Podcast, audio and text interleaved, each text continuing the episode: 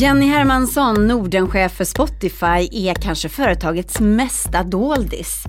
Men här öppnar hon upp i Breakits podd och berättar om chefen Daniel Eks bästa sidor och hans sämsta sidor och varför det är så viktigt att ta semester och hålla fötterna på jorden. Det är jätte, jätteviktigt för mig att checka ut. Jag kommer från Örebro, och jag åker dit, får lite verklighetsförankring. Där tycker folk inte att jag är så fascinerande och cool. Eller mina föräldrar. Eh, de förstår ingenting av vad jag jobbar med.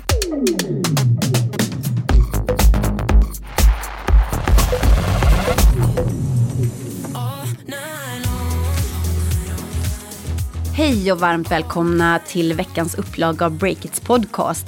I den här podden fokuserar vi på spännande entreprenörer, tech och innovationer. Och nu under sommaren så släpper vi en rad specialpoddar, intervjuer som bandats under årets Almedalsvecka. Där Breakit körde ett matigt och spännande program. Jag lämnar över ordet till min kollega Erik Wisterberg som gjorde den här spännande intervjun med Spotifys doldisstjärna Jenny Hermansson. Välkomna allihopa in i värmen i eh, Breakits tält och välkomna till det här lunchsamtalet som vi ordnar tillsammans med vår partner Företagsakademin. Hoppas att ni har fått någonting att käka och mumsa på. Eh, jag heter Erik Wisterberg, jag är reporter här på Breakit.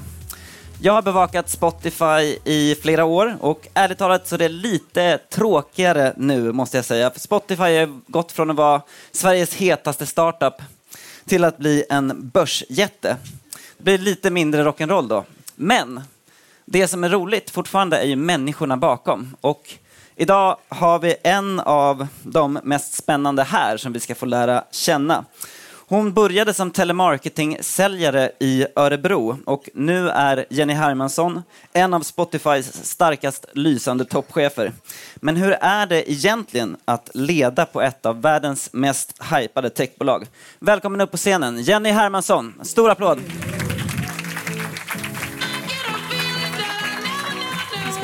Så. Jag var riktigt orolig där när du började med att det är jättetråkigt att bevaka Spotify. Man måste skapa lite Bra introduktion. spänning här i livet, eller hur? Jag hörde att eh, en annan Spotify-medarbetare hade fått spänning genom att åka Voi genom Almedalen precis. Skulle jag Ja. inte rekommendera i regnet. Men eh, vi ska börja det här samtalet med en rätt enkel fråga. Hur mår du? Eh, Jag mår väldigt bra, men jag är otroligt trött. Eh, Du har inte tappat rösten för att du inte var ute och festade igår. Eh, Jag har inte röda ögon för att jag var ute och festade igår. Jag kom hem häromdagen från USA och har fruktansvärd jetlag. Eh, Så att, förutom det så mår jag väldigt, väldigt bra. Jag tycker att det är otroligt kul att vara i Almedalen och vara här. Det är som vanligt i Almedalen, alla har röda ögon men ingen har varit och festat helt enkelt. Men den här frågan, hur mår Det är du? därför man postar saker på Instagram 05.30 så man visar att man faktiskt vaknade. då. Precis, bra strategi. Den- Men den hur mår du-frågan, det kanske skulle kunna vara Almedalens sämsta panelöppning någonsin. Det är en lite lökig fråga, den har man inte klarat sig genom Journalisthögskolan på. Men jag vet att den faktiskt har en speciell plats i ditt ledarskap. Ja. Vill du berätta, vad Ja. betyder den för dig och hur använder du den? Ehm, nej men jag öppnar alltid mina ledningsgruppsmöten med att eh, gå laget runt eh, och fråga hur alla mår. Eh, sen är det naturligtvis helt frivilligt om man känner att man vill dela med sig. Eh, men jag tycker att det är otroligt viktigt. Jag är en väldigt transparent eh, ledare och jag tycker att välmående är grundläggande för att eh, man ska fungera som team och framförallt cheferna för att det är också man har ansvar för sina medarbetare. Så att jag tycker att det är otroligt viktigt och jag är som sagt var väldigt transparent så att jag delar med mig väldigt mycket och hoppas att jag kan få andra att göra det. Men vad brukar folk säga då? För hur mår du? Det är en så lätt fråga att ställa, men kanske ibland svår att svara på. Men, Ja, men vad- ibland kan man vara tyst och titta och sen kommer svaren där. För det, vi gillar ju inte när det är tyst här i Sverige. Men det är lite obehagligt. Så att, hur mår du? Ah, Jag har svinont i foten faktiskt. Ja. Jag fick salmonella för två år sedan i Almedalen och drabbades av sjuka grejer efter det. Så att Okej, vi går jag vidare. har mått bättre. Men när, börj- när började du med den här grejen att fråga hela ledningsgruppen för Spotify i Norden då, va? Att hur de mår? Precis. Ehm, nej men jag tror att det alltid har... Jag har en otrolig passion för människor och det måste man ha om man är ledare. Eh, men min eh, mamma, jag har varit väldigt öppen med det, men min mamma fick Alzheimer för några år sedan i väldigt, väldigt ung ålder. Eh, och det var någonting som förändrade naturligtvis hela mitt liv, men det har påverkat mitt ledarskap otroligt mycket också. Just att faktiskt ja, men, ännu mer förstå att alla har sin historia. Det händer saker i folks liv och det är otroligt viktigt att bejaka det uh, och vara lyhörd och höra det. Så det är väldigt mycket, jag har tagit vara på det mycket mer. Um, mitt eget välmående och också gruppens välmående. Du fick det här ganska dramatiska beskedet samtidigt som liksom, din karriär bara boomade. Hur, mm. hur funkade det för dig då? Eh, nej men jag, just att jag har varit så pass transparent. Jag har ett fantastiskt team med otroliga medarbetare eh, som verkligen har varit där och steppat upp för mig. Och det, jag har behövt åka hem från konferenser ibland och då har jag ett team där som är där och supportar 110 procent. Um, och jag tycker också i att så här, behövs inte jag vara där hela tiden så har vi ett bra fungerande team. Um, så det har funkat bra tycker jag. Men sen har det varit väldigt jobbigt också naturligtvis. Um, men uh, ja, det, jag tror att jag har blivit en bättre ledare faktiskt. Mm. Vi ska ta och backa bandet lite grann. Jag vet att du började din karriär på McDonalds. Ja. Och uh, sen så var du faktiskt bartender på Disneyland i Paris. Och ja. varje kväll så framförde du någon slags nummer iklädd en speciell dräkt. Ja. Kan du, vad var det? Jag kommer inte visa. Eh, nej, men jag jobbade på Billy Bobs eh, som var en cowboyrestaurang i Disney Village eh, som ligger utanför eh, själva Disneyområdet. Eh, och där var alla utklädda till cowboys och varje kväll så körde vi line dance på scenen. Alltså... Eh, ja, ja, korrekt. I en jätteful turkos skjorta, cowboyhatt, eh, jättesnygga 80-tals så hur gick det från att vara cowboy på Disneyland till att bli toppchef på Spotify? Det var din musiktalang? Ja, precis. Nej, men, Nej, men jag tror allvarligt talat? Nej, men jag tror att jag har alltid haft ett driv. Jag är otroligt nyfiken. Eh, jag är väldigt intresserad av människor, jag är väldigt intresserad av teknik. Um, och jag brukar säga det, jag har alltid litat på min magkänsla och det har tagit mig dit jag är idag. Jag jobbade på, som du sa, eh, telemarketing. Jag var fruktansvärt dålig telefonsäljare. Eh, kosttillskott var inte riktigt min grej. Eh, men då hade de också ett uppdrag åt Microsoft, så det var så jag kom in i hela teknikbiten. Eh, sen flyttade jag från Örebro till Stockholm och började jobba på Microsoft. Eh, och sen var jag inne i tekniksvängen och sen så, precis som alla andra, jag var också en av de första som hade en betaversion. Eh, det är väldigt många, jag tror att alla i det här rummet kommer säga, ah, men jag var en av de första som hade en betaversion. Eh, och sen så träffade jag teamet och tyckte produkten var helt fantastisk um, och kände att det här vill jag testa. Och du började ju med sälj på Spotify också, ja. men när förstod du att du hade vad som krävs för att leda på det snabbväxande bolaget? Nej, men jag har alltid lite så här, men vad är nästa steg för mig? Men det, jag tog mig från sälj, sen så började jag jobba med marknadsföring, sen började jag jobba med affärsutveckling, Eh, och när jag jobbade med affärsutveckling så var jag mer eller mindre vår före detta eh, VDs högra hand, eh, Jonathan. Eh, han reste väldigt mycket så jag gjorde i praktiken hans jobb när han var borta och det var ett ganska naturligt steg sen att ta över när han valde att gå vidare inom Spotify. Ehm, så att det var väl kanske då. Men då hamnade du i en situation som många gör, är att man har jobbat med en grupp människor och varit liksom, gått på AV och varit polare och sen skulle bli deras chef. Mm. Eh, vad var det som gjorde att du kunde steppa upp och ta det ansvaret? Eh, men det var faktiskt en eh, speciell händelse. Vi gick en ledarskapsutbildning med ledningsgruppen. Eh, och eh, där, den var ganska krass. Den var ganska hård och transparent. Eller hård, den var transparent eh, och väldigt ärlig. Och där jag fick höra av teamet att de verkligen ville ha mig som ledare. De tyckte att jag var en bra ledare, men också ville ha, de ville ha mig. De ville eh, att jag skulle guida besluten. Um, och det var otroligt lärorikt att höra. Och det var nog först då jag faktiskt vågade ta det där extra steget att faktiskt här, förstå att jag leder gruppen. De vill ha mig som ledare. Och det är ju väldigt lätt just när man tar det klivet med sitt eget team, sina medarbetare, att hamna lite i jantelagen. Att så här, men nu ska jag börja ta besluten här. Men samtidigt får man höra det att så här, folk vill ha guiden. Så det, är, det är jättemycket så vi jobbar på Spotify och det tycker jag är otroligt unikt och ett fantastiskt sätt att arbeta på. Att eh, ledningen sätter väldigt mycket liksom, styrningen, men sen så hur man faktiskt ska göra, eh, det får varje medarbetare lite komma fram till själva och teamen. Så det är otroligt givande och utvecklande jobb. Men jag hörde att du trodde att en bra chef var en sån som pekade med hela handen och liksom var orädd för konflikter. Ja, och en vit medelålders man också. Ja, Ja. den hade du svårt att checka i, men, men de andra två skulle du ändå kunna göra. Ja. Men, men eh, hur ser du idag på den bilden av en chef? Nej, men jag tycker att chefskapet är individuellt så att man ska bejaka det, just sina attribut som man har. Ehm, och det tycker jag, vi pratar jättemycket om inkludering på Spotify och verkligen titta till individen. Det handlar jättemycket om individen. Så att det tycker jag också att, som jag sa tidigare, jag är en transparent ledare, jag värderar det. Det behöver inte vara en praxis i att det är en bra ledare. Det beror helt på vilka attribut man har själv. Så att, eh, men det var väldigt skönt att landa i att så här, jag kommer inte bli den chefen. Det är inte så jag leder. Eh, och jag har ett fantastiskt team som verkar vara nöjda. Så att, ja, jag gör någonting rätt. Jag vet också att du missionerar för att det ska vara okej att kunna misslyckas och stå för det. Ja. Jag tänkte testa dig lite. Uff. Ge oss ditt största misslyckande som chef. Oh, ehm, oh, hjälp. Mitt största. Eh, Behöver du fundera så vi återkommer senare? ja, eller? ja, men så gör vi. Ska vi spara den ja, vi sparar den. Ja. Ett ledarskap utgår ju också ofta, speciellt i sådana här techbolag som växer snabbt, som har liksom en starkt, starkt varumärke, liten aura kring sig. Ofta från grundarna. Eh, och hur skulle du säga att Daniel Ek är som chef? Vad är det som liksom karaktäriserar honom? Um, nej, men det jag brukar säga väldigt mycket är att jag är så otroligt lycklig att få jobba med en sån fantastisk visionär som Daniel är. Um, och det är också någonting som genomsyrar hela bolaget, att verkligen våga vara den visionära, se på omvärlden. Uh, vi har otrolig omvärldsbevakning och pratar jättemycket om mänskligt beteende, trender som händer. Eh, både i musikbranschen men också i teknikbranschen. Ehm, så framförallt visionär, ehm, vilket är otroligt inspirerande.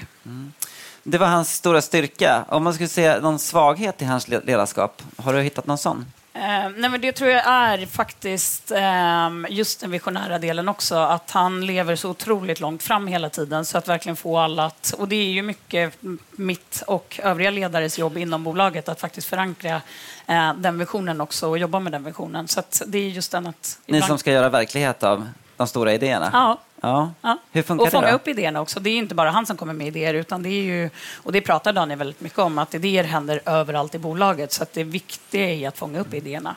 Och ha en kreativ arbetsplats där det finns utrymme för idéer. Snart så fortsätter det här samtalet med Spotifys Norden-VD Jenny Hermansson. Hallå, Olle Aronsson på Breakit här. Jag sitter tillsammans med min kollega Stefan Lundell och vi två ska presentera veckans poddsponsor Atea. De är ju experter på elektronik och IT och är partner till många växande bolag som försöker bygga det moderna kontoret. Och eh, Idag så vill Atea prata om datortillverkaren HP och deras avancerade antivirusskydd HP SureSense. Precis, det finns ju många olika typer av virusskydd men det här läser och lär sig att känna igen inte mindre än 99% av alla virus. Och detta på mindre än 20 millisekunder, helt sjukt snabbt. Hur då? Jo, såklart har de hjälp av eh, djupinlärning och AI. 99 procent alltså. Det kan ju vara bra med tanke på att det kommer 350 000 nya virus varje dag. Ja, och det fina med det här virusskyddet är att det knappt påverkar faktiskt prestandaeffekten på din dator. Nej, det är ju superviktigt. Jättebra att det inte gör det. Vill du läsa mer om HPs datorer och deras säkerhetslösningar surfa in på atea.se e-shop. Tack Atea för att ni sponsrar oss.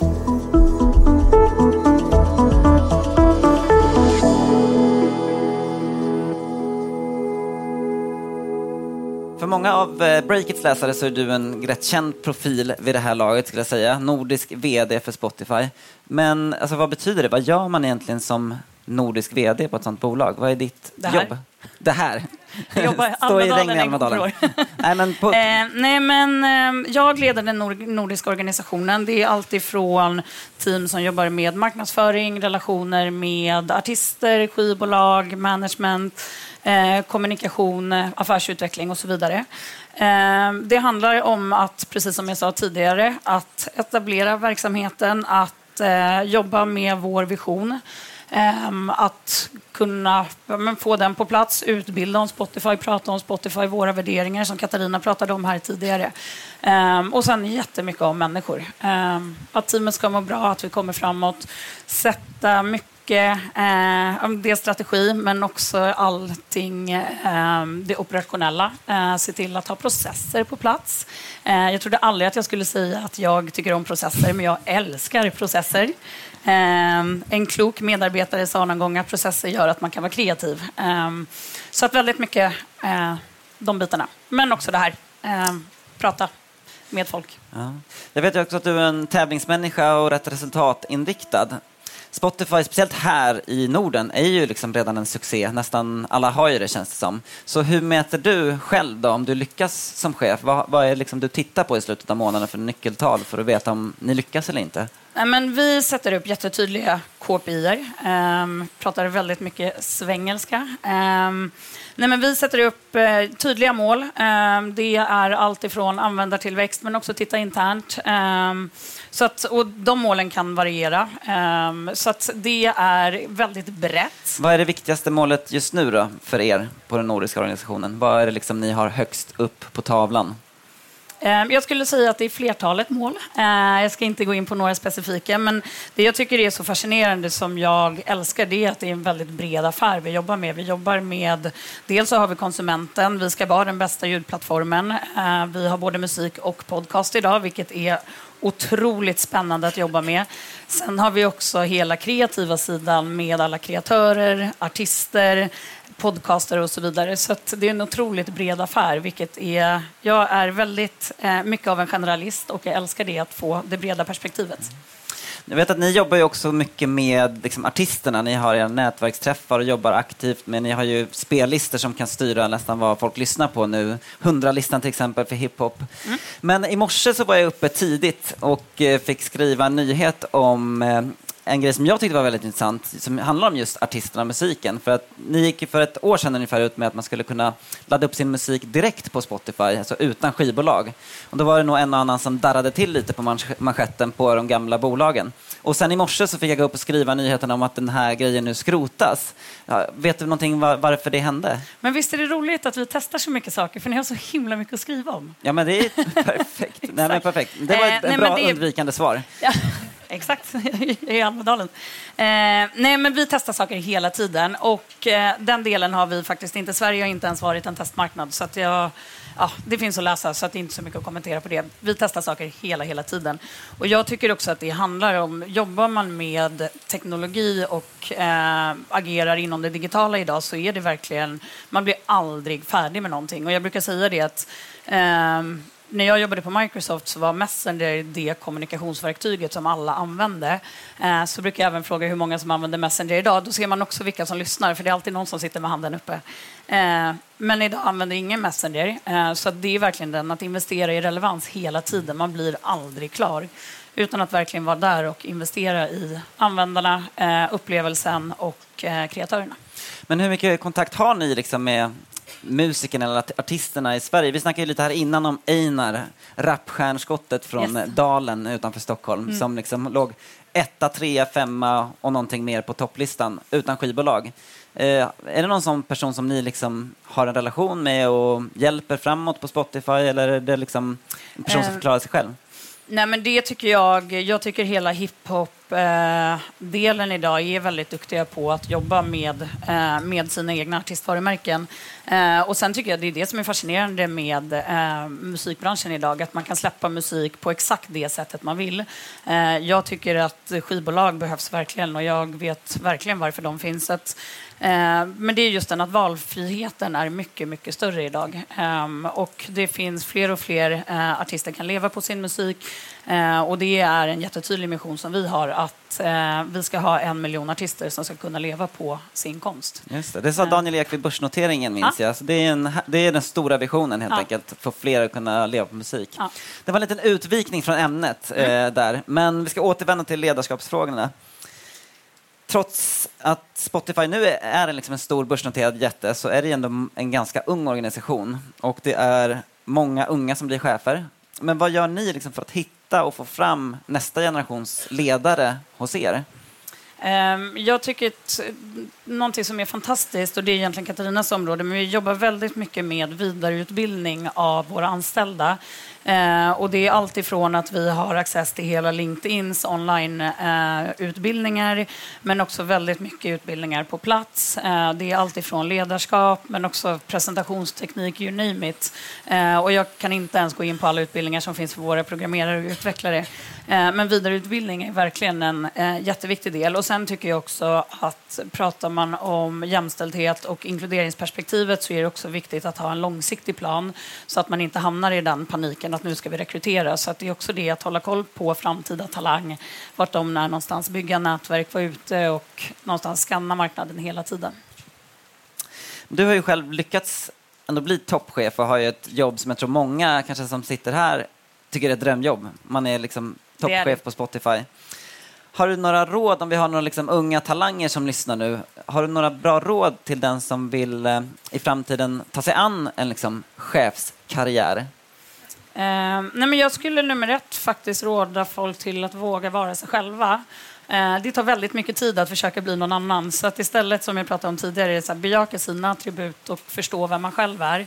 Eh, och sen också analysera om man vill bli chef, varför man vill bli chef, vad man har för drivkrafter eh, och sen jobba mycket med sin strategiska vision. Eh, strategi är en jätte, jättestor del av mitt arbete. Ehm, och sen bara bli bäst på det du gör och ha kul. Det låter som en enkel grej att göra, men det kanske är svårare i praktiken. Ja, men ingenting är lätt i livet, vet du. Nej. Ingenting är lätt. Men om man Nej, tittar på era chefer, är det folk som liksom har en akademisk examen eller är det mer människor som du som har liksom via olika jobb från eh, Disneyland till telefonförsäljning kommit upp? Det är och- både och, skulle jag säga. Och det är precis det att vi har människor med, jag tror att vi har 78 olika nationaliteter på Stockholmskontoret, vilket är fantastiskt. Det är en otroligt berikande miljö att jobba i. Eh, vi har olika typer av individer, eh, så det skulle jag säga, det är verkligen både och. Och det är blandat. Hej, Olle på Breakit här. Den här veckan har vi med oss Miss Hosting som sponsor. Det må vara högsommar och semester, men på Miss Hosting vet man att många entreprenörer just nu samlar kraft för att dra igång nya projekt under hösten.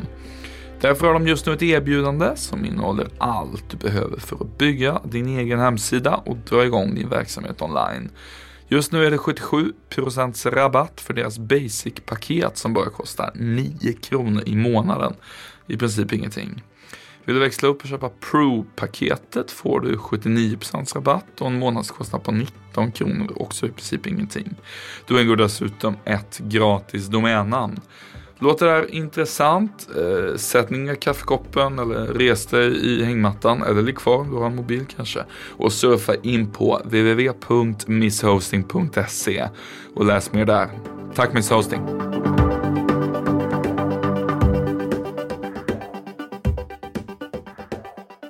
Vi ska ta och snart släppa på om det är någon i publiken som vill ställa en fråga. Och sen har jag en kvar också till Ja. dig. Som, eh, Ja, jag kan svara nu. Jag kom på en grej precis när du eh, började Jag ställer om frågan bara om någon Ja. har glömt den. Vad är ditt största misslyckande som chef? Eh, nej, men jag är lite eh, snabb ibland. Jag eh, kan dra lite snabba slutsatser ibland. Eh, jag har en kollega som sitter bredvid mig på kontoret och är min raka motsats. Hon är den som bara säger stopp nu, vänta, nu går det alldeles för snabbt. Så det är lite den att jag kan lite så här jag har en jättebra idé, låt oss. Och sen kan jag börja dra igång saker. Frida, här min kollega, sitter och skrattar. Ehm, så där är väldigt bra då att faktiskt ha människor runt omkring sig som faktiskt kan och vågar säga stopp. Att nu vet jag inte riktigt vad det där, det var säkert en jättebra magkänsla, men vi kanske ska tänka igenom besluten. Men har du något sånt exempel när du har gått på din magkänsla, bara dragit igång något och sen fått Ja, jag kommer inte ihåg exakt vad det var för projekt, men det var faktiskt en sån del som jag gjorde. Vi har ett nordiskt eh, möte varje månad där alla ringer in från de olika lokala kontoren. Eh, och då tog jag upp precis just den, för jag tycker att det är jätteviktigt. Man kan inte bara säga det, man måste också statuera exempel. Och framförallt, jag har det kravet på alla som sitter i min ledningsgrupp också, att eh, okej att misslyckas, så måste man också faktiskt påvisa eh, misslyckanden. Så att den saken tog jag upp för hela teamet och sa att ja, det här var en grej som jag drog igång. Det kanske inte blev jättebra, för jag fick inte med mig någon i det här. Så att, Ja. Det är en bra datapunkt. Om ingen vill vara med, då är det dags att lägga ner. Exakt. Vem är den bästa chefen? Daniel Ek eller Martin Lorentzon? Jag har aldrig haft Martin Lorentzon som chef så att jag skulle naturligtvis säga Daniel Ek. Bra svar där. Ja, det var, det var dåligt researchat av mig helt enkelt. Vem tror du är bäst på att leda då, av de två?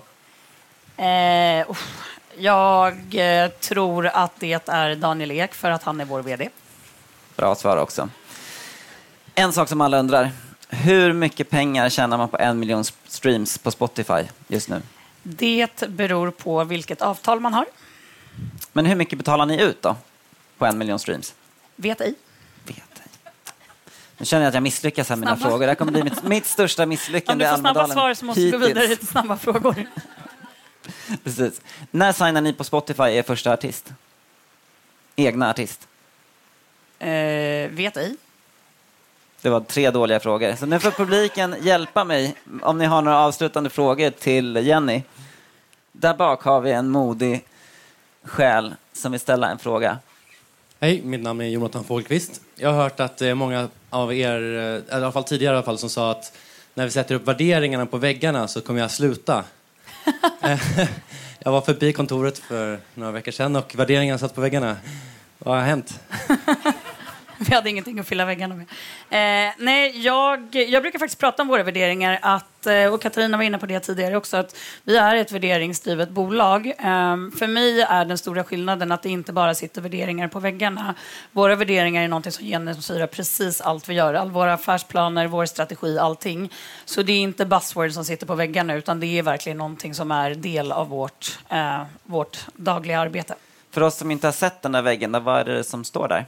Eh, nej men inkludering till exempel, det är en sån del som vi pratar om i allt vi gör. Ehm, både i extern marknadsföring, internt när vi rekryterar och så vidare. Så att det är en del, eh, till exempel. Eh, hej, Micke heter jag. Pluggar på Hyper Island i Stockholm. Eh, jag tänkte fråga vart du hittar inspiration och eh, ja, precis, vart, vart letar du när du vill hitta inspiration? Ehm, jag tycker att vi har, precis som jag nämnde tidigare, så ehm, så har vi en otroligt bra, eller kanske inte alls nämnde, men vi har en otroligt bra delningskultur på Spotify så att vi delar jättemycket inspiration mellan varandra. Det kan vara allt ifrån en intressant podcast, det kan vara artiklar, eh, det kan vara ett panelsamtal. Så att jag tycker att jag får väldigt mycket bra inspiration från mina kollegor, vilket är fantastiskt. Eh, sen de som vet, jag hänger väldigt mycket på Twitter. Eh, där tycker jag också jag hittar väldigt mycket inspiration där. Eh, men sen tycker jag också eh, att det är väldigt, väldigt viktigt att stänga av och faktiskt landa. Eh, jag tar sommarsemester varje år. Eh, det är jätte, jätteviktigt för mig att checka ut. Jag kommer från Örebro, jag åker dit. Eh, får lite verklighetsförankring. Där tycker folk inte att jag är så fascinerande och cool. Eh, eller mina föräldrar. Eh, de förstår ingenting av vad jag jobbar med. Eh, Men det är väldigt viktigt att just kunna koppla av också. Och, eh, jag är jättemån om att alla ska ta semester. Så det är någonting som jag verkligen tittar på så att medarbetarna tar sin semester. Gör folk det på Spotify? Tar och checkar ut eller stänger av? Ja. Vi är väldigt, väldigt bra på det, att man respekterar det. Och när jag går på semester så är det verkligen, man skickar sms om det är någonting och sen självklart händer det saker. Och det är lite beroende på vad man har för jobb. Jag anser att jag behöver vara nåbar, eh, men det behöver absolut inte alla, utan det är jätteviktigt att kunna stänga av. Vilket härligt råd att ta med sig, att man ska ta semester, Ja. kanske efter Almedalen helt enkelt. Eh, Ja, det kan behövas, det är ett tips. Vi Även innan Almedalen, jag var Ja. på semester förra veckan. Ja, men jag såg det, det, Ja. var, det var ju ett Almedalsknep. Semester innan Almedalen. Ja. Fan vilket geni alltså. Ja, exakt. Är det- Vi har tid för en sista fråga tror jag. Hej, Linnea heter jag och jobbar som Head of People and Culture. Och jag är nyfiken på vad du har för personligt mål eh, 2019 i din roll. Åh, vilken bra fråga. Ehm, jag är ju också en person, jag sätter ju upp mål men jag ändrar dem ju hela tiden. Eh, så att jag har lite av en levande plan. Men jag skulle nog vilja säga, jag har eh, en relativt ny konstellation av ledningsgrupp. Så att för mig eh, är det väldigt viktigt att få ihop den gruppen. Så att det är någonting som jag jobbar väldigt aktivt med eh, under det här året. Eh, ja, jag skulle säga att det är faktiskt det, det personliga. Det får bli det som Ja. är den största prioriteten. Sen har jag själv också en allra sista fråga tänkte jag försöka ställa. Vi har pratat mycket här idag om hur man attraherar talang och kanske behåller talang också. För din egen del då? Du har jobbat i tio år på Spotify, Ja, tror jag. snart. Ja. Vad skulle kunna få dig att eh, sluta? Uff, eh, try me. Eh, nej, men jag tycker, det jag älskar, jag uppenbarligen så älskar jag mitt jobb, eh, men det är att jag verkligen får stimulansen, jag får lära mig saker hela tiden. Det är en otrolig drivkraft för mig att verkligen utmanas, lära mig nya saker, eh, jobba med fantastiska människor och vara med och utveckla någonting. Jag gillar verkligen att driva saker, driva saker framåt, testa nya saker. Så att det är väldigt viktigt, men också ha en väldigt tillåtande miljö. Jag tycker att det är som sagt var, jag pratar väldigt mycket om jämställdhet och jag tycker att vi har mycket kvar att göra inom många branscher. Ehm, så att det är också jätteviktigt för mig att jobba på ett bolag som faktiskt eh, tar aktiva val och faktiskt arbetar med de typerna av frågor. Det får bli slutordet. Tack så hemskt mycket för att du kom hit och tack alla er som trotsade regnet eh, och kom hit och Tack lyssnade. själv. Tack. Tack själv.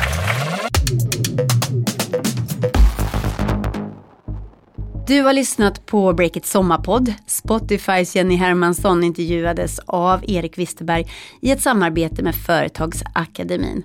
Och nästa vecka levererar vi en ny spännande intervjupodd. Då tar Caroline Solskär, innovationschef på Nordic Tech House, plats här i Heta stolen. Ansvarig utgivare för den här podden är Ola Aronsson. Fredrik Nilsson sköter tekniken och själv så heter jag Katarina Andersson. Vi hörs nästa vecka.